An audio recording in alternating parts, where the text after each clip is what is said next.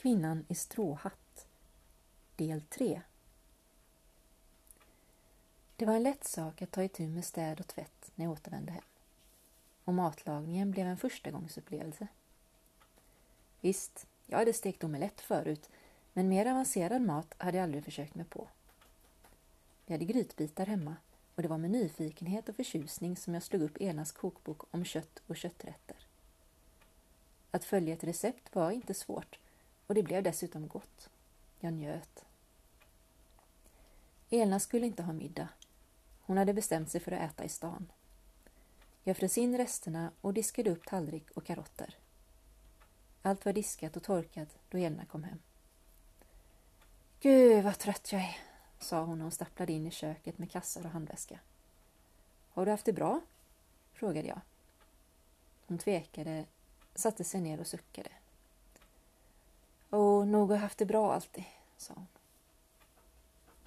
Du verkar inte riktigt nöjd, sa jag tvekande. Hon fnös. Jag är visst nöjd. Problemet är att jag är just nöjd. Jag såg på henne. Väntade mig en fortsättning, men den kom inte. Istället började hon plocka med innehållet i påsarna. Det var kläder, smycken, smink och vårdande hudkrämer. Om vi skaffar bin kan vi tillverka egen hudkräm, sa jag. Kanske det, sa hon och letade vidare i påsarna. Här, sa hon plötsligt och tog fram en broschyr. De ska bygga toppmoderna lägenheter mitt i stan, nära till allt. Hennes ögon glittrade av iver. Hon vecklade ut broschyren och visade. Läget var centralt, hyran billig och insatsen hög. Jag flämtade till. Jag vill flytta, sa hon. Jag pressade samman läpparna. Vi kan inte bo här. Snart blir vi gamla. På vintern blir här isigt och halt och mörkt och ensligt. Vi blir totalt isolerade varje vinter. När jag ser det här, hon pekade i broschyren. När jag ser det här så vet jag att jag vill inte bo någon annanstans än just där. Jag sa ingenting. Kände mig bara ledsen inombords. Det finns balkong.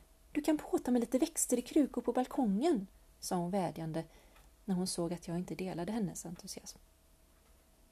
Vi har bott här ett år nu. Du kan väl inte på allvar mena att du trivs? Att du vill bo kvar? Jo, sa jag. Jag vill bo kvar. Du sa själv att det var viktigt att vi båda blir nöjda. Jag är inte nöjd här. Hur skulle någon kunna vara nöjd här?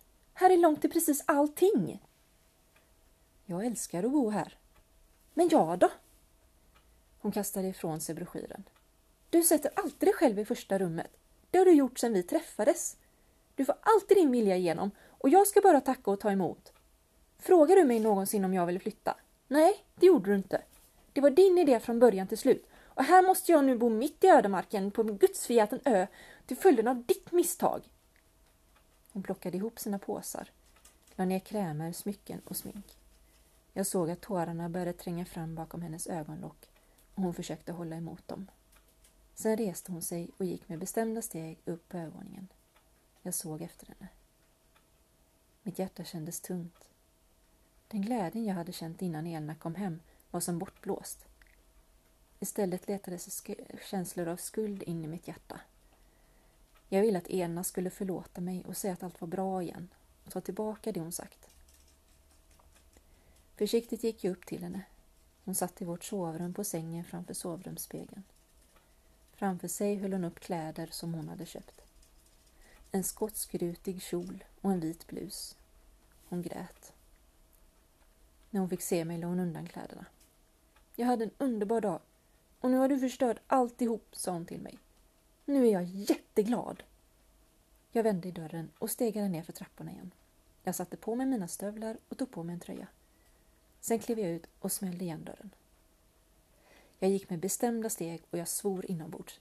Jag tänkte elaka saker om Elna och jag tänkte elaka saker om mig själv. Tankarna malde och jag fick ingen frid från dem. Omedvetet hade jag styrt mina steg hem till Agnetas hus. Jag stod utanför och kikade. Det lyste i köket. Bilden av Agneta i stråhatt blev plötsligt tydlig för mig och jag kände en enorm längtan i bröstet. Jag visste att det var bilden jag längtade efter. En kurvig kvinna i stråhatt, röd knytblus och ringlande bruna lockar. En kvinna som älskade bin och som var villig att lära mig det jag behövde veta. För mig var hon symbolen för okomplicerad kärlek och magi. För mig symboliserar hon samhörighet och förståelse. Så fick jag bilden av Elna i mitt inre. Dels den Elna jag blev kär i en gång och så den Elna hon blivit med tiden. Hade vi växt ifrån varandra? Borde vi gå skilda vägar efter alla dessa år? Jag ville aldrig någonsin göra Elna illa. Ville aldrig såra henne. Och jag såg ingen lösning på våra problem. Jag började vända hemåt igen. Bilden av den gråtande Elna med den skotskrutiga kjolen framför sig blev tydlig i mitt minne. Jag såg på henne och fantiserade om hur hon gick där hemma, mitt ute i ödemarken som Elna kallade det. Hur hon gick alldeles ensam med sina vackra kläder och inte blev sedd av någon. Jag såg hur människorna i stan gick omkring, visade upp sig för varandra, tipsade om olika skönhetsknep, ordnade bjudningar. Och Elna, hon var inte där. Hon var ensam och isolerad, långt ifrån de människor och miljöer hon älskade. Jag väcktes i mina fantasier när jag hörde steg bakom mig. Jag stannade och såg mig om. En mörk gestalt med vaggande gång närmade sig. Agneta, sa jag. Är det du? Det är jag. Jag tyckte att jag såg dig från fönstret, så jag tog på mig och gick ut. Är något på tok? Hon kom närmare och nu såg jag hennes allvarliga ansikte och frågande ögon. Ja, något är på tok, sa jag. Är det något du vill dela? Jag skakade på huvudet. Nej, det är en konflikt mellan Elna och mig just nu och jag vet inte riktigt hur vi ska lösa den. Men det känns inte riktigt bra att, att prata med någon utomstående. Och jag är säker på att det kommer lösa sig, även om jag inte vet hur just nu. Hon nickade. Men det är jobbigt och du vill ha lite medkänsla? frågade hon och log. Jo, svarade jag. Hon sträckte fram handen och strök mig över axeln. Det kommer bli bra, sa hon. Och jag tänker på dig. Hon, jag log emot henne och fick tårar i ögonen. Vi såg in i varandras ögon och jag kände hennes värme. Jag blev avslappnad och ledsen i hela kroppen. Så jag slog bort blicken, svalde och torkade mig i ögonvrån. Jag måste gå nu, sa jag. Hon nickade och jag vände mig om och gick hemåt.